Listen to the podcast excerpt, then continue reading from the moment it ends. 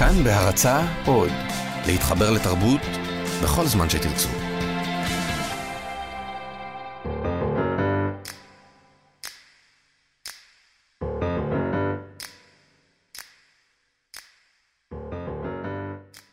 שיר משרדי, על הוואי משרדי, שכתבה המשוררת הנהדרת סיגל בן יאיר. אין לו שם, אז אני אקרא לו בשלוש המילים שפותחות אותו. אני כפוית עבודה. סיגל בן יאיר. אני כפוית עבודה, לא מחלקת מהדקים וסיכות.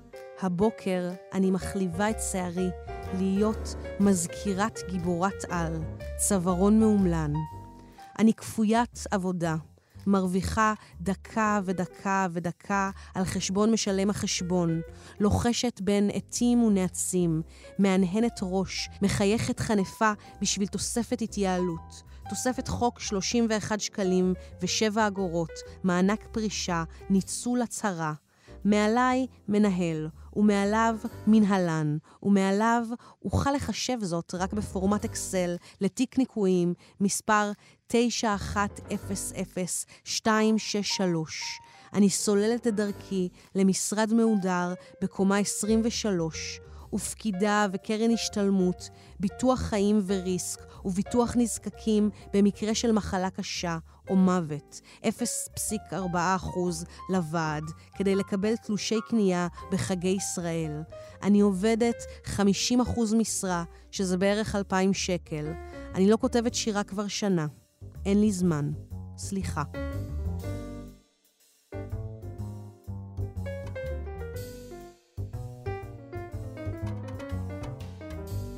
היוש, אני נועם פרטום, ואתם מאזינים לטקסט מניה, תוכנית שעניינה הוא טקסטים ספרותיים. כל פעם אני שולפת ממוחי הקודח איזה נושא מהביל אחר, ומתעסקת בו וחושבת עליו באמצעות הספרות. אמ, והפעם אנחנו בענייני עבודה ומלאכה. אה, אני מקווה ששורות של... אה, חניכים של הנוער העובד והלומד כרגע מאזינים בשקיקה לתוכנית, אמ, ושכל האיכרים למיניהם אה, שזרעו בדמעה עוצרים עכשיו ממלאכתם, אה, ורק לאחר התוכנית הם אה, יקצרו ברינה את התבואה. זהו, ואני אפתח בשיר קטנטן שפותח גם את הספר החדש שלי, ש... בקרוב, אינשאללה, ב-1 בינואר יראה אור, מקסימום ב-1 בפברואר.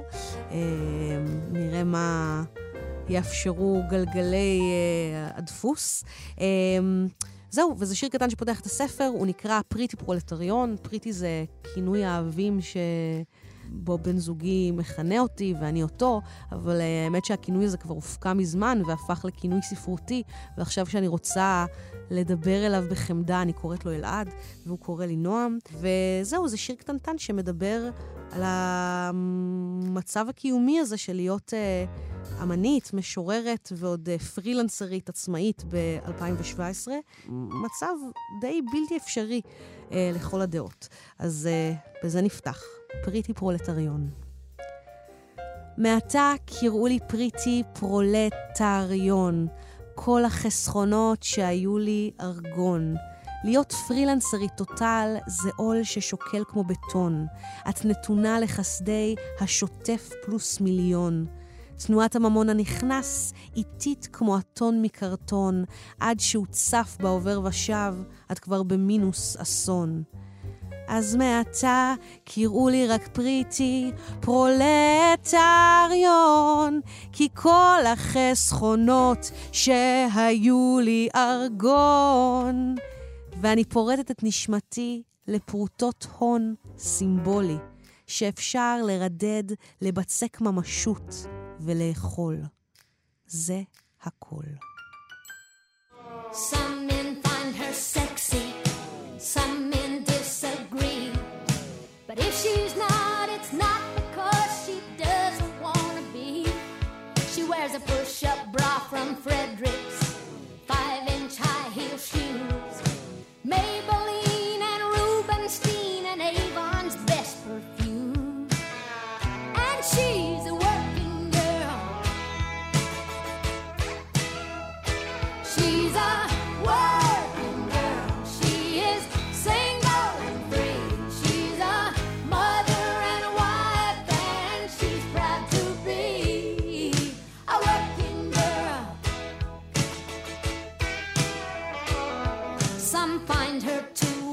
She don't know how to stop.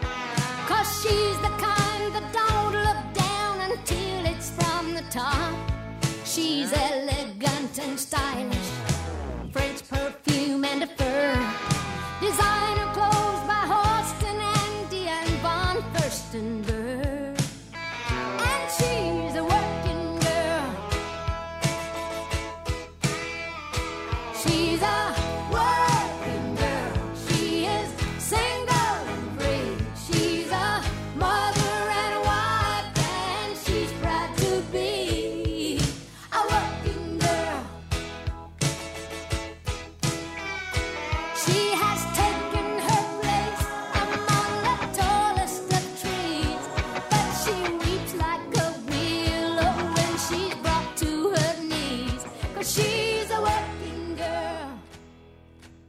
אני אפתח את התוכנית בשיר של תהל פרוש.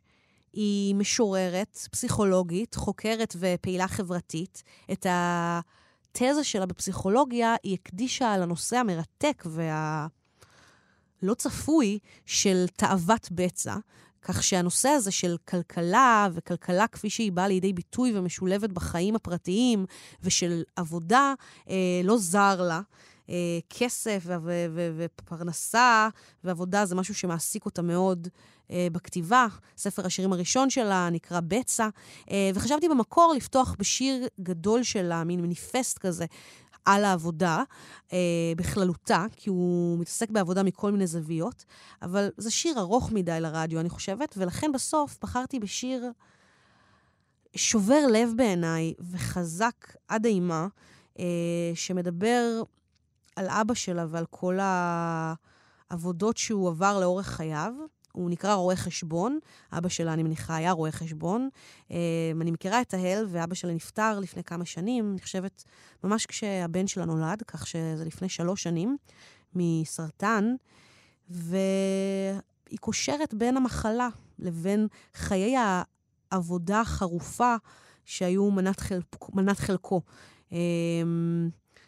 אה, והקישור הזה הוא לא טריוויאלי, אבל במקביל יש בו משהו גם מאוד מתבקש. אני חושבת שבעולם המודרני, המערבי, אנחנו די הורגים את עצמנו בעבודה. אז uh, בואו נשמע איך היא מתארת את זה בצורה כל כך uh, חורכת. אז זה שיר שמתחיל במשפט, אבא, העבודה שלך, אני חושבת, שהרגה אותך. רואה חשבון, מתה אלפרוש. אבא, העבודה שלך, אני חושבת שהרגה אותך. כשהייתי ילדה, יצאת בכל בוקר מהבית בשעות לא סבירות, והלב שלי דפק כששכבתי במיטה, ורציתי להרוג את כולם ואת עצמי, בגלל שנאלצת לקום מוקדם ולנסוע ולנסוע. העיניים שלך הרגו אותך. הרכבת משקפיים מיוחדים, השמש סנוורה אותך, ובלילה לא ראית כלום. ובכל זאת נסעת במין נאמנות כלבית למקום הזה. תמיד היית נאמן למקום העבודה, כל מקום עבודה. פעם בהסנה, שם היית מנכ"ל חברת ההשקעות, ואז היא הופרטה, התמוטטה ונסגרה, והלב שלך נשבר. אחר כך ניסית להיות עצמאי, והלכת לעבוד באיזה בנק פולני, ואחר כך החלטת לחזור להיות שכיר, והלכת לעבוד בכור, שגם היא הופרטה, ופוטרת.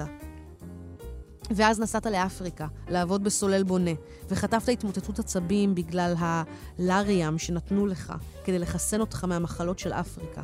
התקשרת אלינו בוכה משם, אבוד וחלש וקטן. אני למדתי משפטים, אמא שברה את הרגל, דיברתי איתך בטלפון והרגעתי אותך. הכל בסדר, אמרתי לך. רואים בתמונות ששם היה לך טוב.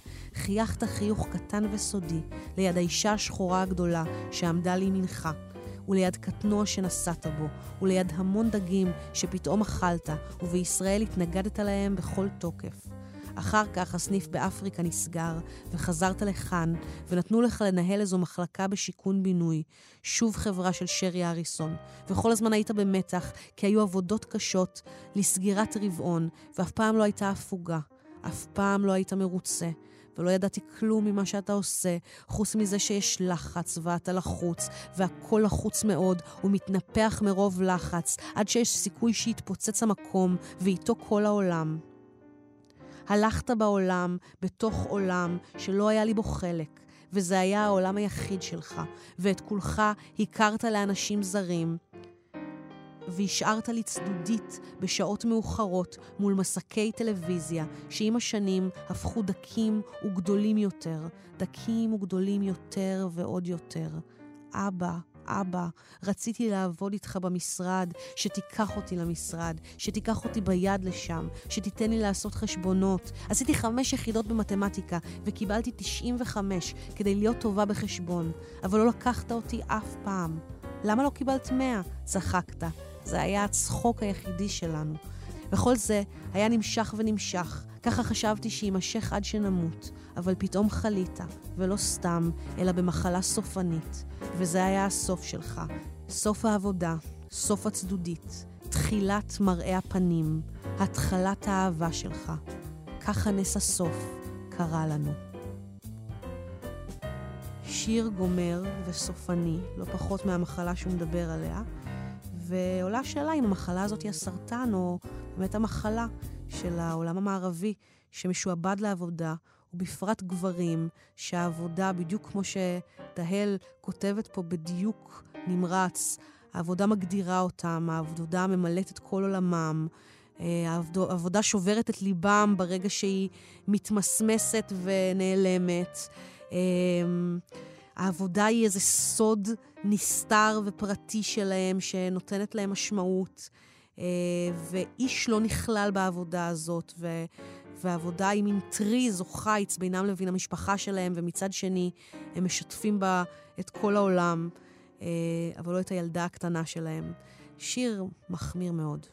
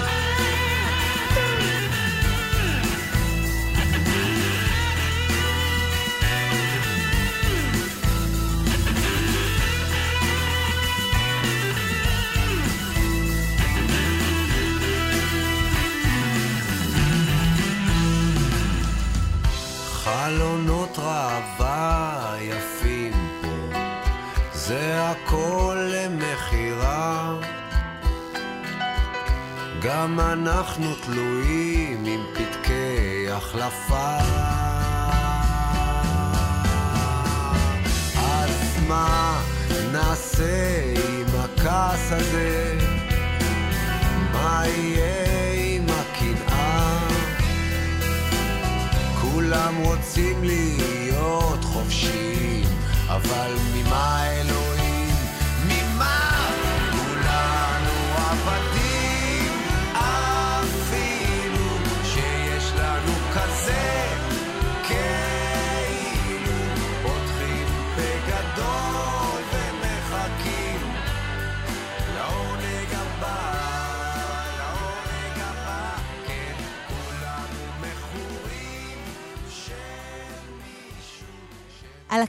מיטל ניסים, משוררת ומורה, שמתעסקת הרבה בכלכלה ובעבודה ובצורך להתפרנס באופן כללי בשירים שלה.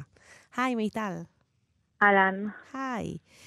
אז רק אה, אני אספר למאזינים, למי שלא יודע, שלספר השירה השני שלך, שראה אור ב-2016, קוראים מורה עובדת קבלן.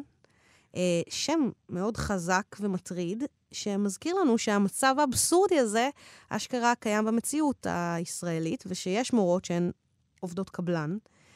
אמ, למה בעצם בחרת לקרוא לספר ככה? אמ, משום שהוא עבד מבחינתי גם ברמה הקונקרטית, ביחס שלו, ביחס של הדוברת למציאות, וגם ברמה המטאפורית של uh, להיות איזושהי עובדת קבלן, uh, לא רק בתוך המסגרת uh, הבית ספרית, בכלל עובדת קבלן של החיים. היה פעם, יש את השיר הזה, דוח, דוח על מצב האדם, אתמול חשבתי שבדיוק צריך לעשות משהו כזה, דוח על מצב האישה. כן, לגמרי. אז, אז כן, אז להיות עובדת קבלן זה, זה אומר לעבוד בתנאים שהם אה, לא, לא מספיק סוציאליים, לעבוד בתנאים כאלה גם בלי שאת יודעת שאת עובדת בתנאים כאלה, ושרק, אה, שזה מתחבר לך רק אה, לאחר מכן. כן. אז בעצם גם, גם, גם במובן הקונקרטי וגם במובן המטאפורי זה מאוד, מאוד דיבר את הספר, את הטקסטים שבספר. ו... ונכון שיש בו משהו מאוד גרפי בשם הזה, שהוא כמעט אולי הפוך ל... למתבקש, לאיזשהו שם יותר לירי, או... כן, הוא מאוד... אה, אה, הוא, מעולם, הוא מאוד מעולם המעשה וה... כן, ומאוד מהכאילו צדדים החומריים והמלוכלכים של החיים, נגיד. כן, אבל גם בזה כנראה יש הרבה שער רוח. אני לחלוטין. אני חושבת שבכלל זה, זה, טוב, תכף נדבר על זה, על המתח הזה בין שאר הרוח לבין, ה, לבין הפושטיות הטכנית של החיים, וזה שצריך אה, לקושש כסף מכאן ומכאן ו, ולהתפרנס. וואו, עם כל התיאומי מס. וואי, תיאומי מס ובירוקרטיה, זה אני כל כך גרועה בזה. ומאיה העורכת צוחקת פה ברקע, כי היא יודעת כמה אני... כמה זה שנוא עליי. זה... כן, ו- ואם חודש אחד פספס, ופתאום משהו השתנה בשכר, אז פתאום מנקים לך, ואז את מגלה ש... וואי. לא, לא, לא הגעת, או כן הגעת, או זה לא, לא נקלט, או... ואנחנו בדיוק, אנחנו בסוף נובמבר, אנחנו לקראת, אה, כאילו, אנחנו בשלבי uh, הגשת הצהרת ההון, ההון בתור עצמאית. וואי, זה זוועות. אני, וואי, אני כל כך, אני כאילו לא, לא צוידתי בשום רמה לצדדים האלה. האפורים והבירוקרטיים של החיים. זה נשמע כל כך מבטיח, הצהרת הון. נכון. כאילו שיש איזה הון מאחורי זה. כאילו שיש משהו, זהו, זה מסתכם בזוג אופניים שאני בקושי משתמשת בהם, ותנור חדש, או משהו כזה. זה כאילו ההון המדהים. טבעת נישואים אה, ב-500 שקל מרחוב אלנבי, שמכר לנו אה, סיסו, סיסו תכשיטים. כאילו, זה, זה, זה, זה, זה ההון. אמ, אז רגע, אבל באמת, דיברת על, על, על, על העניין הזה של, על הצירוף הזה, הלא, הלא טריוויאלי, מורה עובדת קבלן, ואמרת שזה נכון גם ברמה הקונקרטית. אז שנייה רק נתעכב להרף על זה. את כן. היית מורה עובדת קבלן לאיזה רגע, ואז הפכת להיות מורה בעצם עובדת מועצה, נכון? כן, את אני חיפאית. עובדת מועצה. זהו, עכשיו את עובדת מועצה, אבל לא הגעת לתואר הנחשק של היות... אה, מישהי שהיא שכירה במשרד החינוך פול טיים? לא, אה, אבל, אבל יש לזה סיבות, יש לזה סיבות. אה, אה, הייתי, כשעבדתי בחטיבת ביניים, אז, אז חלק מהמשרה שלי היו בתנאים של עובדת קבלן, ו, וחלק מהמשרה היה גם משרה ש, שבעצם הייתי עובדת עירייה, אבל בתנאים של משרד החינוך. אה, והיום, כשאני עובדת בתיכון, אז, אז בתיכון זה, זה כבר לא משרד החינוך, זה רשתות כאלה, אורט, אה, ברנקו וייס, אה, כן. עמל וכן הלאה. אז, אז זה כבר לא משרד החינוך, אז אני, אני כבר לא, אני מועצה. אם, אם פעם אחת, ואני מקווה שזה לא יקרה, שבית הספר שלנו יהפוך לרשת, אז... אה, אז תשתדרגי. אז אני, כן, לא יודעת אם אני אסתדרג, אבל...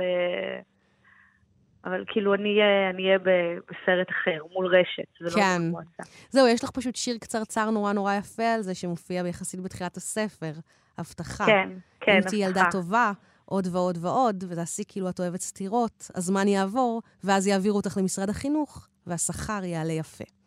כן, כן, באמת, כשהייתי, עבדתי בחטיבת ביניים, זו הייתה, זו הייתה השאיפה. את עובדת נגיד, נאמר, שנתיים באיזה מקום, דרך העירייה, ואז אם רואים בך איזשהו משהו, איזשהו ניצוץ, אה, ניצוץ כזה שאותו אולי הם אה, מחפשים, אז, אז אומרים, וואלה, אז עכשיו אנחנו ניתן לה קביעות ואנחנו נעביר אותה לתנאים של משרד החינוך. ו... אבל זה הכל מין משהו אמורפי כזה, כאילו איזה. ספר, הם מחפשים איזה, כאילו איזה ניצוץ, משהו לא ברור, אז כאילו את, את תלויה על בלימה ואת לא יודעת, אין קריטריונים ברורים ל... כאילו, מתי ימשו אותך מה... ויעבירו אותך לבריכה של הדגים הגדולים ותהפכי לשכירה של משרד החינוך. זה הכל כזה... נכון, אה, כן, הרבה, הרבה, הרבה תסכול, ו... וגם צריך מזל, אני חושבת. צריך מזל כן. להגיע למקום שבו את בראש של, של האנשים שם, וזה כאילו מסתדרים פחות או יותר, אבל לפעמים נופלים על מערכות מאוד קשיחות, בעצם רוב הפעמים. כן.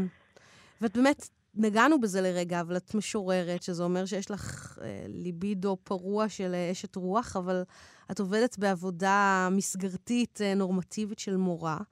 אה, כאילו, יש את הפער הזה, שאני אישית מאוד מזדהה איתו, גם בתור אה, משוררת, בין החיים והצרכים שלהם, אה, במקרה שלך גם לגדל ילדים ו... ו- ולפרנס אותם, ולתת להם לאכול, ולקחת אותם לגן, אה, לבין הספרות ומה שהיא דורשת. אז זה באמת, אני חושבת, זה המתח המרכזי שעומד בלב הספר. איך את חווה את זה? אה, אז, אז זה טוב, כי זה מה ש, שניסיתי... להעביר. זה מה שניסיתי.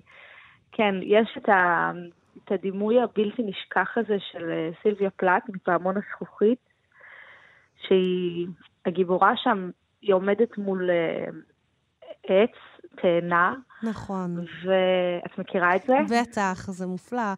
ויש לה את כל האופציות, את כל הבחירות, את כל הדברים שהיא כן. כאילו הייתה יכולה לעשות. אבל תתארי את זה, את עושה את זה כה טוב. אה, שהיא היא עומדת מול העץ תאנה הזה, ש... והיא רעבה, היא מתה מרעב, ו... והפירות שלו בשלים, והם באמת, אה, וכל פרי מסמל בעצם אה, איזשהו כיוון, איזושהי אפשרות בחיים, להיות אה, מורה, או להיות אה, משוררת מבריקה, או להיות אה, שחיינית אולימפית, או להיות מרצה, וכן הלאה. אה, ובעצם היא עומדת שם, מנסה לחשוב מה לבחור, ובגלל שהיא כל כך מתמהמהת, אז, אז התאנים קמלות נושרות, ונושרות. מרכיבות ונושרות על הקרקע. כן. אז, אז זה דימוי שמאוד הולך איתי, שאני אני מאוד מפחדת ש... אני לא יודעת קודם כל אם אני... אני לא יודעת אם היא צדקה, אני ככה חושבת עם עצמי הרבה. האם, האם זה אומר בחירה ב... יש שם איזושהי שורה כזו שאומרת שבחירה ב... בכיוון אחד או בתאנה אחת זה אומר לא לבחור את כל האחרות. אני לא יודעת אם זה נכון. כן, כי עובדה ו- שאנחנו בכל זאת מצליחות לעשות כל מיני דברים, ואיכשהו כן. לשרוד, אה, ולהכניס כסף, ועדיין גם לכתוב שירים. נכון. אבל... אבל אולי כדי להיות משוררת מבריקה, לא יודעת, אולי כדי להיות משהו הכי הכי, אז אולי באמת צריך לוותר על שאר הדברים, או כדי להיות טוטאלי עם משהו כמו שהיא רצתה או כן. חשבה שצריך. כן. אבל באמת, אבל אה, כן, זה דימוי שמאוד אה, העסיק אותי בכתיבה של הספר, וגם בכתיבה של הספר הבא. לגמרי. אז אולי באמת תקראי לנו איזה שיר מהספר הבא לסיום, כי אני לא רוצה לפספס. אה, טוב, זה קצת ארוך, אז, אז את, אה, זה, זה מתוך פואמה שנקראת לא עבודה בקריון. אה, זה גם שם הספר. איך היא נקראת? לא עבודה בקריון. לא עבודה בקריון. זהו, את לא חיפ... עבודה. לא עבודה, כן. עבודה, כן. כן. זהו, את חיפאית אה, יש, עם גאווה מוניציפלית אה, איתנה, רק... אה, אני מהקריות. אה, כן, וה- והקריון הוא סוג של כזה מקדש תרבותי לגמרי. מבחינתי. אה, כן, כמו. הסנטר בשבילי, אני מאוד... אה, כן, כן, לגמרי. ואז זהו, אז אני אקרא. יש. בגיל 8-9 עושה את ה nineties ברחבה המרכזית, שיחות גוביינה על איחור בשעת העוצר. בגיל 20 סוללה של דייטים בגלובוס מקס, אוכלת סרטים. מאוהבת במוכר של זרה. מזדהה עם דיילות קוסמטיקה יפות. נעה מדיור לאסטי לאודר. עושה שפגאט מקומי. צרכנית תרבות קרייתית, כשחצי מבני גילי כבר גרים בגבעתיים, רמת גן, תל אביב רבתי. וכשיורד גשם בחוץ, הקריון הופך לרחם ענקי, וטובה במיוחד לחרדה הקיומית, הבעייה בהצגת ילדים סתמית. דודו זר מגיע מארצות הברית לשיר עם הגיטרה, למוכרת במבט שבור, עם הבושם בידה, היא תמיד מאופרת בקפידה, היא תמיד לא במקומה, צריך לקרוא לה, העבירו אותה מחלקה, העבירו אותה חברה, יש לה זיכרון קצר, רק אתמול האמינה במוצר אחר לגמרי. איזו אישה גמישה, ואיך היא יודעת את כל מה שאני אף פעם לא אדע. אותי הכינו ללמידה. בחלונות הגבוהים של האוניברסיטה לקרוא אפלטון בשמונה בבוקר ולחצוץ בין העמודים עם ענף קטן של רוזמרין. בחברת מעופפים נועזים, במקום להישתל על פלגים של בושם במשביר לצרכן, ולהבין כבר מאיפה בא הכסף. ואני תולה בה את מבטי ורואה אותי, השתקפות דמותי באישונה הכחול, הוא כל כך כחול. בגלגול אחר, בשנה הראשונה להקמתו, החולות, החולות ושדות הבור, שאריות מפעל טקסטיל עטה. חציתי את הכביש על גדרות, עם שקיות בתוך שקיות, עם קסט הראשונה של נוער שוליים, בהשתדלות של מי שלא כל כך רוצה להידרס אבל נדרסתי. בנוף, בבטון, שערותיי נמשכו עד הסופר פארם, כשידיים מלהטטות אחר ארוחת ילדים ובגדים, ועיניי עצומות כשעושים לי נעים, מוכרים ומוכרות יפות. אחר כך עשו לי צמות וקש... וקשרו מסביב עם קופונים. עם שתי אתיופיות שגרות בדרך עכו כמוני התנשקתי צרפתית, ומהנשיקה עלתה באש מחאת זיהום האוויר, שהפכה למעין ניסה טיפשית שטותית, בנשיקה של אוכלות אבק וכביש ראשי כמונו. נשים בכל מיני שלבי סטייל ראיתי הולכות בשדרת עופר. כשהשנים חלפו, הפריזורה השתנתה, הריח התמתן, לא צריך לסתום את האף יותר. יש ביקורת, יש פיקוח, הגזים הרעילים רעילים פחות. החולים בסרטן הבריאו ומתו בסוף, והקריון לא נפח את נשמתו. קולות דמי הפועלים טקסטילטה זועקים מן האדמה והקריון לא נפח את נשמתו. חיים שלמים והקריון לא נפח את נשמתו. מהמרפסת אימא שלי באמצע הספונג'ה, שרה לו עומרי, ואחר כך דוהרות אל תוך מרוץ הזמן, שלא יסגרו עלינו את החנויות, חוזרות כמו אישה מוכה הביתה עם הקניות. אוי, אני מאוהבת בזה. כל כך נהניתי לשמוע אותך, שלא עצרתי אותך בכלל. זה, תודה. אני מתה על זה, וזה כזה הקפיטליזם, ובאמת ההוואי הפרברי, ו, ו, וההתבגרות, והרצון להתבלט ולהיות מיוחדת, ולמצוא את עצמך, ואת הסגנון שלך, ו, ובאמת הפועלים, והכל מתערבב ביחד עם העבודה והכסף, וזה נורא חזק. תודה. כיף שקראת לנו. תודה על ההזדמנות. תודה על השיחה, ועוד ניפגש. בטח.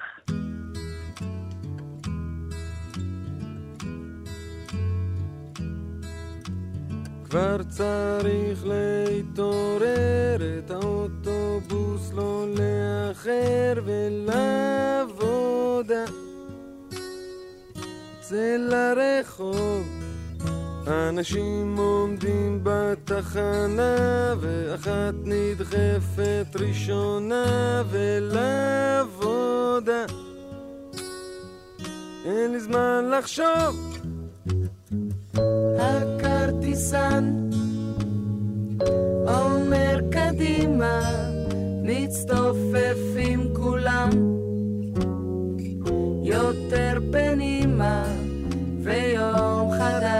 מתחיל. מעונן חלקית עם גשם כרגיל. מגיע באיחור, והבוס עומד בפה פעור ולעבודה. הוא צועק עליי,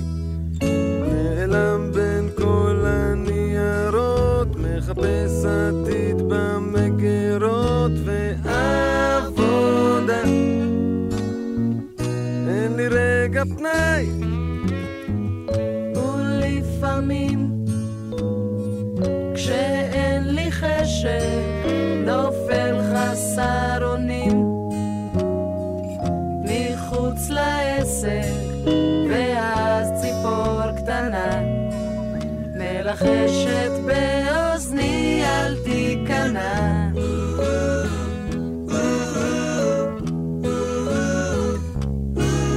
בחמש נועל את המשרד וחוזר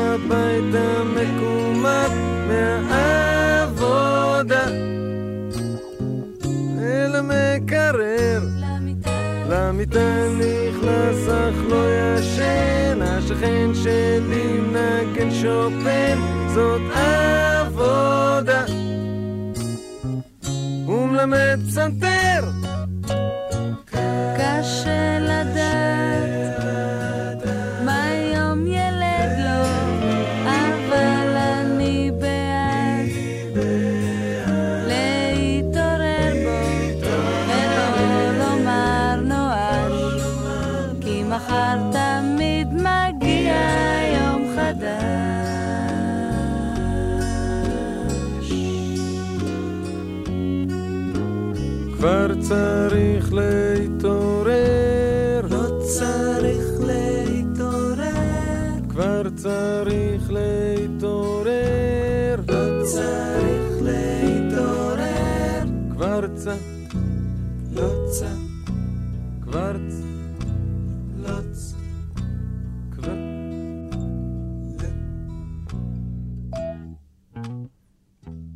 קטע מתוך המאהבות, הרומן הראשון של כלת פרס נובל לספרות, הסופרת הגרמנייה והמהוללת אלפרידה ילינק. אמ, המאהבות עוסק כולו בהתפכחות מאוד מכאיבה מאיזו שאיפה לנס כלכלי שפתאום יקרה יום אחד כמו איזה מפץ גדול, וגם הוא מתעסק בשעבוד סיזיפי לעבודה, אמ, אבל במקרה הזה הוא מתמקד בנשים, בנשים עובדות, ובניסיון הנואש שלהן אה, להשתדרג חברתית, כלומר, לנוע בסולם המעמדות באמצעות גברים, כדי להשיג איזושהי רווחה כלכלית סבירה. אז אה, הנה, מתוך המאהבות של אלפרידה ילינק. זו ממש ההקדמה של הרומן. בלב חבל הארץ היפה הזה בנו אנשים טובים בית חרושת. גג הפח הגלי המשתפל שלו יוצר ניגוד נפלא ליערות העצים הנשירים והאורנים שסביבו. בית החרושת משתפל אל הנוף, אם כי אין לו כל סיבה להשתפל. הוא יכול לעמוד זקוף. כמה טוב שהוא נמצא כאן, במקום שהכל יפה בו, ולא במקום אחר שדבר בו אינו יפה. בית החרושת נראה כאילו היה חלק מהנוף היפה הזה. הוא נראה כאילו צמח כאן, אך לא. אם מביטים בו מקרוב, רואים. אנשים טובים בנו אותו. אחרי הכל, שום דבר אינו נוצר יש מאין. ואנשים טובים נכנסים אליו ויוצאים ממנו. הם זורמים אל תוך הנוף כאילו היה שייך להם. בית החרושת והקרקע שהוא עומד עליה שייכים לבעלים, שהם חברה גדולה. אף על פי כן, שמח בית החרושת כאשר זורמים לתוכו אנשים מאושרים, כי יש להם כושר ייצור גדול מזה של אנשים לא מאושרים. הנשים העובדות כאן אינן שייכות לבעלי בית החרושת. הנשים העובדות כאן שייכות אך ורק למשפחותיהן. רק המבנה שייך לחברה הגדולה. ככה כולם מרוצים. החלונות הרבים מנצנצים ומהבהבים כמו האופניים והמכוניות הקטנות הרבים שבחוץ. החלונות מורקו בידי נשים, המכוניות מורקו בעיקר בידי גברים. כל האנשים שהגיעו למקום הזה הם נשים. הן תופרות, תופרות גופיות, חזיות, לפעמים גם מכוחים וגרביונים. לרוב הנשים הללו נישאות, או שהן מידרדרות באופן אחר, אבל כל עוד הן תופרות, הן תופרות. לעתים קרובות נודד מבטן החוצה, אל עבר ציפור או דבורה או גבעול דשא. לעתים הן נהנות מן הטבע שבחוץ ומבינות אותו טוב יותר מהגברים. המכונה עושה תמיד תפר אחד. היא אינה משתעממת בעבודתה. היא תעשה את המוטל עליה בכל מקום שיידרש ממנה הדבר. כל מכונה מתופעלת על ידי תופרת מנוסה. התופרת אינה משתעממת בעבודתה, גם היא עושה את המוטל עליה. מותר לה לשבת בזמן העבודה. יש לה אחריות רבה, אבל לא ראייה מעמיקה, גם לא ראייה כוללת. בדרך כלל יש לה משק בית. לעתים בשעות הערב האופניים מסיעים את בעליהם הביתה. בית, הבתים נמצאים באותו נוף יפה. כאן פורחת שביעות הרצון, מיד רואים זאת. מי שאינה שבעת רצון מהנוף, תהיה שבעת רצון לחלוטין מילדיה ומבעלה. מי שאינה שבעת רצון מהנוף, מהילדים ומהבעל, תהיה שבעת רצון לחלוטין מהעבודה. אבל סיפורנו מתחיל במקום אחר לגמרי, בעיר הגדולה. שם נמצאת אחת השלוחות של בית החרושת, או נכון יותר, שם נמצא בית החרושת הראשי, ובית החרושת שלמרגלות האלפים הוא השלוחה שלו. כאן, כמו גם שם, הנשים תופרות. תופרות ותופרות. הן אינן תופרות מפני שהדבר מוצא חן בעיניהן, אלא מפני שהתפירה עצמה נמצאת כבר בדמן. כל שעליהן לעשות הוא להקיז את דמן. מדובר כאן בעבודה נשית חרישית. נשים רבות תופרות בלב חצוי. חצי ליבן נתון למשפחתן. ישנן נשים התופרות בלב שלם, ואלה אינן בהכרח התופרות הטובות ביותר. סיפורנו מתחיל באי של שקט בעיר, והסתיים כעבור זמן קצר. אם גורל מאיר פנים אל מישהו, אז זה לא כאן. אם למישהו יש גורל, אז הוא גבר. אם למישהו משחק המזל, אז היא אישה. למרבה הצער, החיים כאן פשוט חולפים על פניך. החיים חולפים ונשארת רק העבודה.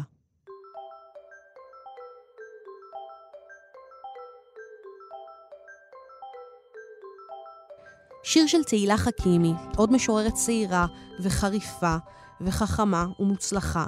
היא מהנדסת אה, מכונות במקצועה, ובמקביל היא משוררת, והספר הראשון שלה, ספר השירה הראשון שלה, מחר נעבוד, שמו, גם הוא מוקדש במידה רבה לעולם העבודה, ולמתח הזה בין היות משוררת להיות מהנדסת, ובכלל הקיום הזה של אישה בתוך עולם עבודה מסועף ומסואב. אז אני אקרא שיר שלה, שיר נהדר בעיניי, שנקרא סטטיסטיקה של רעיונות עבודה בהשראת פרק. והכוונה כמובן לז'ורג' פרק הצרפתי. תהילה חכימי. אני נכנסת לחדר הישיבות. יושבים שם שניים. שניים זה אומר בוודאות שיש לי סיכוי טוב לעבור את הראיון. עם שניים, יש לי אפשרות ליצור קשר עין. יש לי סיכוי טוב להצחיק אותם בדיוק במידה הנכונה. יש לי סיכוי גבוה לנווט את דרכי בריאיון בלי להזיע ובלי לעשות בושות. במידה ואחד מהיושבים בחדר הוא נציג של מחלקת כוח אדם, אז יורדים הסיכויים שלי ב-50% לפחות להצליח בריאיון. איתם אני פחות מסתדרת. בהנחה שבמהלך הריאיון עלול להצטרף אדם שלישי, זה אומר בוודאות שיהיה לי יותר קשה. איך אוכל ליצור קשר עין ולהרשים שלושה אנשים? נניח ששניים מהם גברים בני גילי. זה אומר בוודאות שיהיה לי יותר קל, ושיש לי סיכוי טוב לעבור את הריאיון. נאמר שהם ישאלו אותי שאלה כללית, כל כך כללית שלא תהיה לי תשובה החלטית, ואני בהחלט בחורה החלטית. זה אומר בוודאות שאני לא אעביר את המסר שרציתי להעביר, וזה מוריד את הסיכויים שלי לעבור את הריאיון בחמישה אחוזים לפחות. אני נכנסת לחדר הישיבות. יושבים שם ארבעה אנשים, שלוש נשים וגבר אחד. זה הרכב מאוד הגיוני בחברה כמו זו. זה אומר בוודאות שיהיה לי מאוד קשה לעבור את הריאיון, במידה ושניים מהם עברו את גיל 50, יהיה קשה אף יותר. במידה ושניים מהם בני גילי ולא אתחבב עליהם, זה יהפוך את זה לבלתי אפשרי. אני נכנסת לחדר הישיבות. יושבים שם ארבעה אנשים, שתי נשים ושני גברים. הדלת נותרת חצי פתוחה. אני לא מתאפקת ושואלת אם לסגור את הדלת. הארבעה משיבים. שניים ענו כן ושניים ענו לא. מה אני אמורה לעשות? בין אם אסגור את הדלת ובין אם אשאיר אותה פתוחה, יש לי 50% סיכוי פחות לעבור את הריאיון, וזה עוד לפני שעניתי על שאלות כלליות או לא כלליות. אני נכנסת לחדר הישיבות. יושבים שם חמישה אנשים. כולם גברים, כולם בני גילי. שניים מהם עם תספורת עדכנית לכאורה. זה אומר בוודאות שיש לי סיכוי כללי לא טוב לעבור את הריאיון. נאמר שאחד מהם הוא נציג של מחלקת כוח אדם. זה מוריד את הסיכויים שלי ב-20% לפחות. במהלך הריאיון יבקש ממני אחד מהיושבים בחדר להציג ציור סכמטי של תהליך העבודה בחברה הקודמת. מכיוון שאין לי כישרון ציור, אני מעריכה כעת את סיכויי להתקבל לעבודה בכחמישה אחוזים פחות לפחות. אלא אם כן, כל היושבים בחדר לא יודעים לצייר בכלל, או יודעים לצייר קצת יותר טוב ממני. אז סיכויי עולים בחזרה. אני נכנסת לחדר הישיבות. יושב שם אדם אחד בלבד. חדר הישיבות גדול מאוד, ממוזג ושקוף, כמו במשרדים הקודמים שעבדתי בהם. בחוץ, על השטיח דמוי הפרקט, שמשתרע מקיר אל קיר, חולפים אנשים שעובדים ב open space. הם מציצים עליי, אני בפנים, הם בחוץ. זה אומר שיש לי סיכוי טוב לעבור את הריאיון, בעיקר אם מדובר בגבר בן גילי, עם תספורת עדכנית לכאורה, או באישה מבוגרת יותר עם גישה אמהית. ואם לא אזיע בידיים, לא אגמגם, ובמעברים החדים בין עברית לאנגלית אצליח לדבר את מה שהראש שלי חושב, ואם יהיה למראיין בחדר הישיבות הממוזג מצב רוח טוב כזה של אמצע השבוע, ואם הוא לא רב עם אף אחד הבוקר, לא בבית ולא בכביש, ואם העיניים שלי ייראו לו טובות, ואם הוא בכלל מחפש עיניים טובות, ואם הרעיון יתקיים במרחק זמן סביר מארוחת הצהריים, ואם הוא יחשוב שהוא מבין מי אני, כאילו בכלל אפשר להבין מה זה בן אדם, ואם הוא ישב בנוחות על הכיסא המשרדי, בחדר השקוף, ולא יהיה מוטרד מדברים אחרים, אז יש לי סיכוי טוב לעבור את ראיון העבודה הזה. סיכוי טוב מאוד.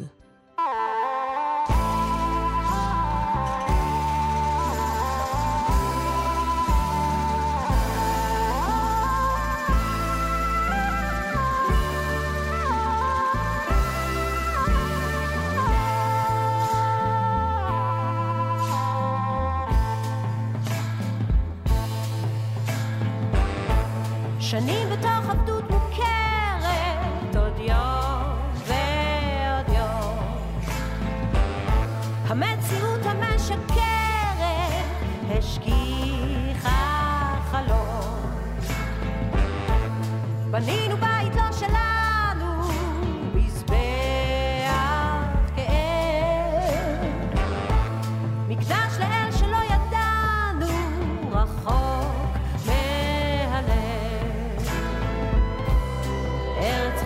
Schaf. Been ham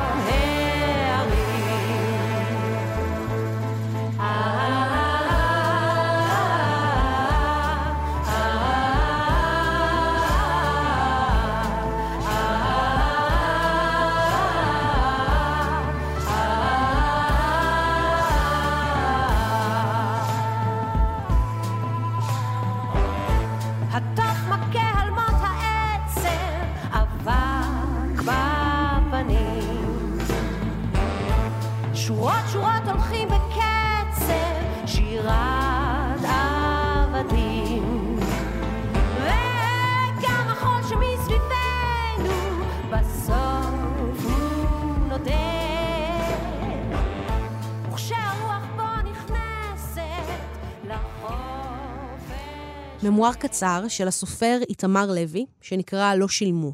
הוא לקוח מתוך הגיליון השלישי של כתב העת פטל, כתב עת נהדר ועשיר, שכל פעם מקדיש גיליון לנושא אחר, והפעם את הגיליון האחרון שלו הוא ייחד לנושא של לחם ועבודה. ערכו אותו בכישרון ושקדנות אה, מירי שחם ואביבית משמרי, שתיהן נשות ספר, סופרות בעצמן. אה, 20 סופרים ויוצרים נרתמו לכתוב סיפורים קצרים וממוארים על הישרדות ועל כלכלה ביתית, אה, ועל הקשר חברתי כזה של חיי עבודה ושל איך לסבול ו- ולהישרד בתוך מערכת, ושל חישול וניבול שבחובה של פרנסה, ועל התאווה לכסף ולמעמד. וזה הסיפור שפותח את הקובץ, את הגיליון הזה, והוא מאוד יפה, ואני אקרא לכם אותו, או כמעט את כולו. אז לא שילמו, איתמר לוי. העבודה הראשונה הייתה תמורת חצי לירה. אני זוכר את זה כאילו זה היה היום. הייתי בן שש. אבא אמר שאקבל חצי לירה תמורת שטיפת הכלים בכיור. עמדתי על שרפרף קטן ושטפתי. עד היום הכסף לא הגיע.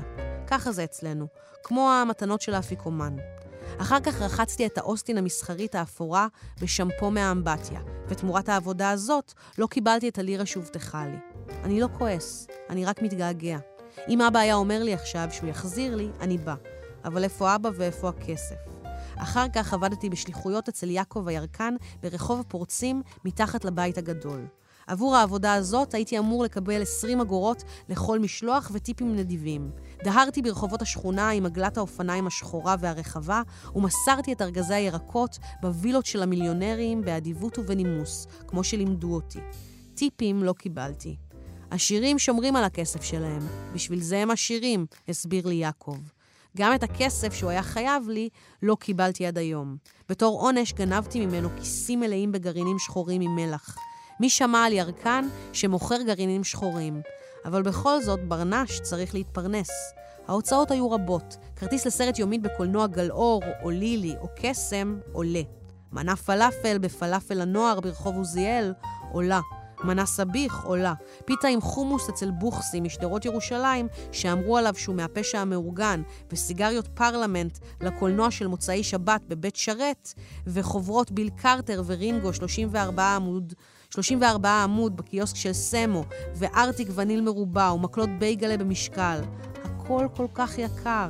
יחד עם יואל, שאחר כך החליט לעזוב אותי לבד בשכונה והלך למות באירופה, פתחנו חנות ספרים ניידת של בלשים ומערבונים. הסתובבנו בעיגול השכונה עם ארגז ספרים ולא מכרנו דבר. הלקוח היחיד שלקח מאיתנו ספר היה סמי. לא סמי, כמו דוד סמי, אלא סמי, כמו סמי דייוויז, השליח היפה של שמואל מהמכולת. הוא פגש אותנו במעלית, הוא פגש אותנו במעלית נחושתן של הבית הגדול, לקח פרי מייסון אחד מהקופסה, ועד היום לא שילם את העשר אגורות. אני לא כועס, אני בעיקר מתגעגע ליואל. בלית ברירה התפרנסתי מהקופה הקטנה שקיבלתי מבנק דיסקונט ברחוב הפורצים בשביל לחסוך, ומהארנק של אימא. בזמן שהיא ישנה, חמקתי לתיק שלה, שהיה תלוי דרך קבע על דלת הזכוכית הפרחונית שתמיד סגורה בין 2 ל-4, וליקטתי מטבעות לרוב. מי שלא מרים גרוש לא שווה גרוש. היום אני יודע שהיא הרגישה, אבל לא אמרה דבר. אם אמא רק תבקש, אני אחזיר לה את כל מה שלקחתי, אפילו עם הצמדה וריבית. אבל איפה אמא ואיפה העודף? בתזמורת האקורדיונים של קרניצי לא שילמו. למדריכים והצופים של רמת גן לא שילמו. לאח ששמר על התינוקת החדשה שנולדה לא שילמו. בחוג דרמה של התיכון עם הבמה יעקב בנאי לא שילמו. אפילו לא לשחקן הראשי. לנערים במקהלה של בית הכנסת תל גנים לא שילמו. לצילומים, לפרסומת לבירה שחורה באולפני גבע ברחוב ריינס לא שילמו. לניצבים בצילומים לשיעור האנגלית בטלוויזיה הלימודית לא שילמו. עבור ביקורות הספרים שכתבתי לעיתון של בית הספר, יואב קרני לא שילם. לא שילמו עבור, הטיפו, לא שילמו עבור הטיפוף להורדת הדגל ביום הזיכרון ולהנפתו בערב יום העצמאות. אלו שני טיפופים שונים, בתעריף דומה. ממה עוד יכול נער עברי להתפרנס? למתרימים לאילן לא שילמו. לתופרי, לחופרי תעלות המגן בשכונה במלחמת ששת הימים לא שילמו. לנושאי הפצועים הקשים מההליקופטר לחדר המיון בתל השומר לא שילמו. לא שילמו. לא שילמו. לדורכים על הכותנה בקיבוצי, בקיבוצי הספר לא שילמו. למלקטי צינורות ההשקיה בשדות ליד הגבול לא שילמו. למתקני הטפטפות הסתומות, למרוקני מכונת שטיפת הכלים בחדר האוכל. את חיי, בחיי, סיכנתי עבור מעט המעות הדרושות לי למחיה. ביער בן שמן, מצויד במקל של מטאטא ופחית שימורים בקצהו, ליקטתי שני דליים של סברס, ובדוכן הקטן שהקמתי, בכניסה לג'ימבורי, לא מכרתי אפילו סברס אחד בעשר אגורות לילדים המפונקים שהגיעו למחנה מארצות הברית ומברזיל ומספרד, ופחדו מהקוצים בלשון. מאופנתים למראה הזריזות בה קילפתי את הפרי העסיסי. חתך אחד בקצה ימין, חתך בקצה שמאל, וחתך הדין המחבר בין הקצוות. אחד מראשי הגדודים הזדרז להעביר אותי ואת 43 סברסים בבטני בפולקס, בפולקסווגן כחולה לבית החולים הקרוב לשטיבת, לשטיפת קיבה מצילת חיים. החזרות בסניף התל אביבי של תיאטרון למאמה מניו יורק על הצגה המורכבת מדמויותיו של קפקא לא הניבו את המשכורת הרצויה לנער בן 15 שהצטרף ללהקת שחקנים מבוגרים, ובא במיוחד בשני אוטובוסים מרמת גן. האוטובוסים עלו כסף. אני לא כועס, אני רק מתגעגע. אני מתגעגע לירקן ולקרניצי ולסמי. אני מתגעגע לירקן ולקרניצי ולסמי ולצופים ולמורה לאקורדיאון ולחיים המורה להתעמלות ול- ולעמינצח המנהל. אני מתגעגע לילד שהייתי. אני מתגעגע לילד שילדותו הייתה מאושרת, והוא לא ציפה כלל שישלמו לו על כל הדברים שהעשירו את עולמו. לילד שכל יום היה הולך למגרש הכדורסל מאחורי הבית והופך לכמה שעות לטל ברודי. אם הילד הזה רק יבקש, אני עוזב את העבודה שלי והולך לקלוע איתו לסל. אבל איפה הילד הזה ואיפה אני?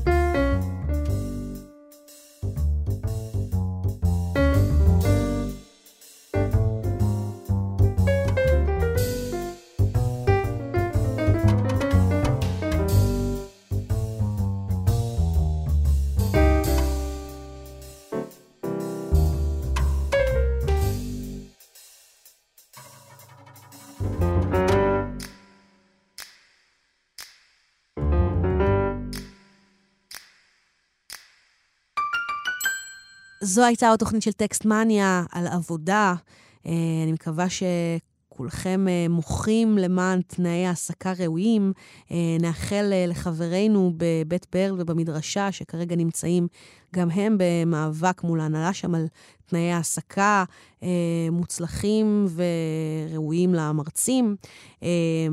וזהו, ושכולנו נעבוד בכבוד ובנחת ונצליח... להתפרנס למחייתנו. אמ, אני נועם פרטום, תודה למאיה קוסובר, העורכת האחת והיחידה של התוכנית הזו. תודה למיטל ניסים, המשוררת הנפלאה שכתבה את הספר מורה עובדת קבלן. חפשו אותו, הוא שווה את זה.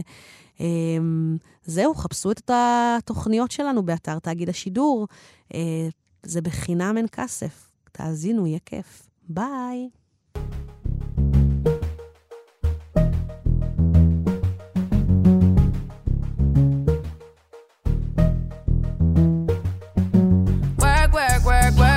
Work. You see me heavy work, work, work, work, work, work. You see me do me dirt, dirt, dirt, dirt, dirt, dirt. There's something about that work, work, work, work, work, work. When you walk a line, line, line, line, line. I'm in the cafe, my ta, ta, ta, ta, ta. Drive me a deserting. No time to have you lurking. You make a like, now you don't like it. You know I dealt with you the me in a crisis. I believed all of your dreams are duration. You took my heart, all my keys, and my patience. You took my heart, I must leave a decoration. You mistaken my love, I brought for you for foundation. All that I wanted from you was to give me something that I never had, something that you never seen, something that you never been. Mm, But I wake up and hell nothing's wrong. Just get ready for work, work, work, work, work, work. You see me heavy work, work, work, work, work, work. You see me do me dirt, dirt, dirt, dirt, dirt, dirt. There's something about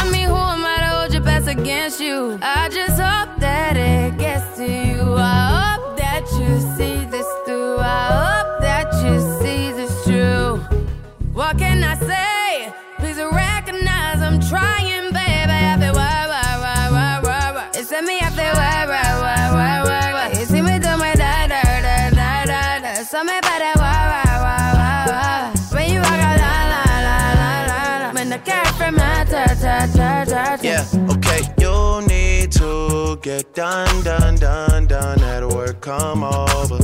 We just need to slow the motion. Don't get out of way to no one. Long distance, I need you. When I see potential, I just gotta see it through. If you had a twin, I would still choose you. I don't wanna rush into it if it's too soon, but I know you need to get done, done, done, done. If you come over, sorry if I'm way less friendly. I got niggas tryna end me. Oh, yeah. I spilled all my emotions tonight, I'm sorry. Rolling, rolling, rolling, rolling, rolling. How many more shots until you're rolling? We just need a face to face. You could pick the time and the place. You'll spend some time away. Now you need to forward and give me all the work, work, work, work, work, work. See me up work, work, work, work, work, work. See me do my da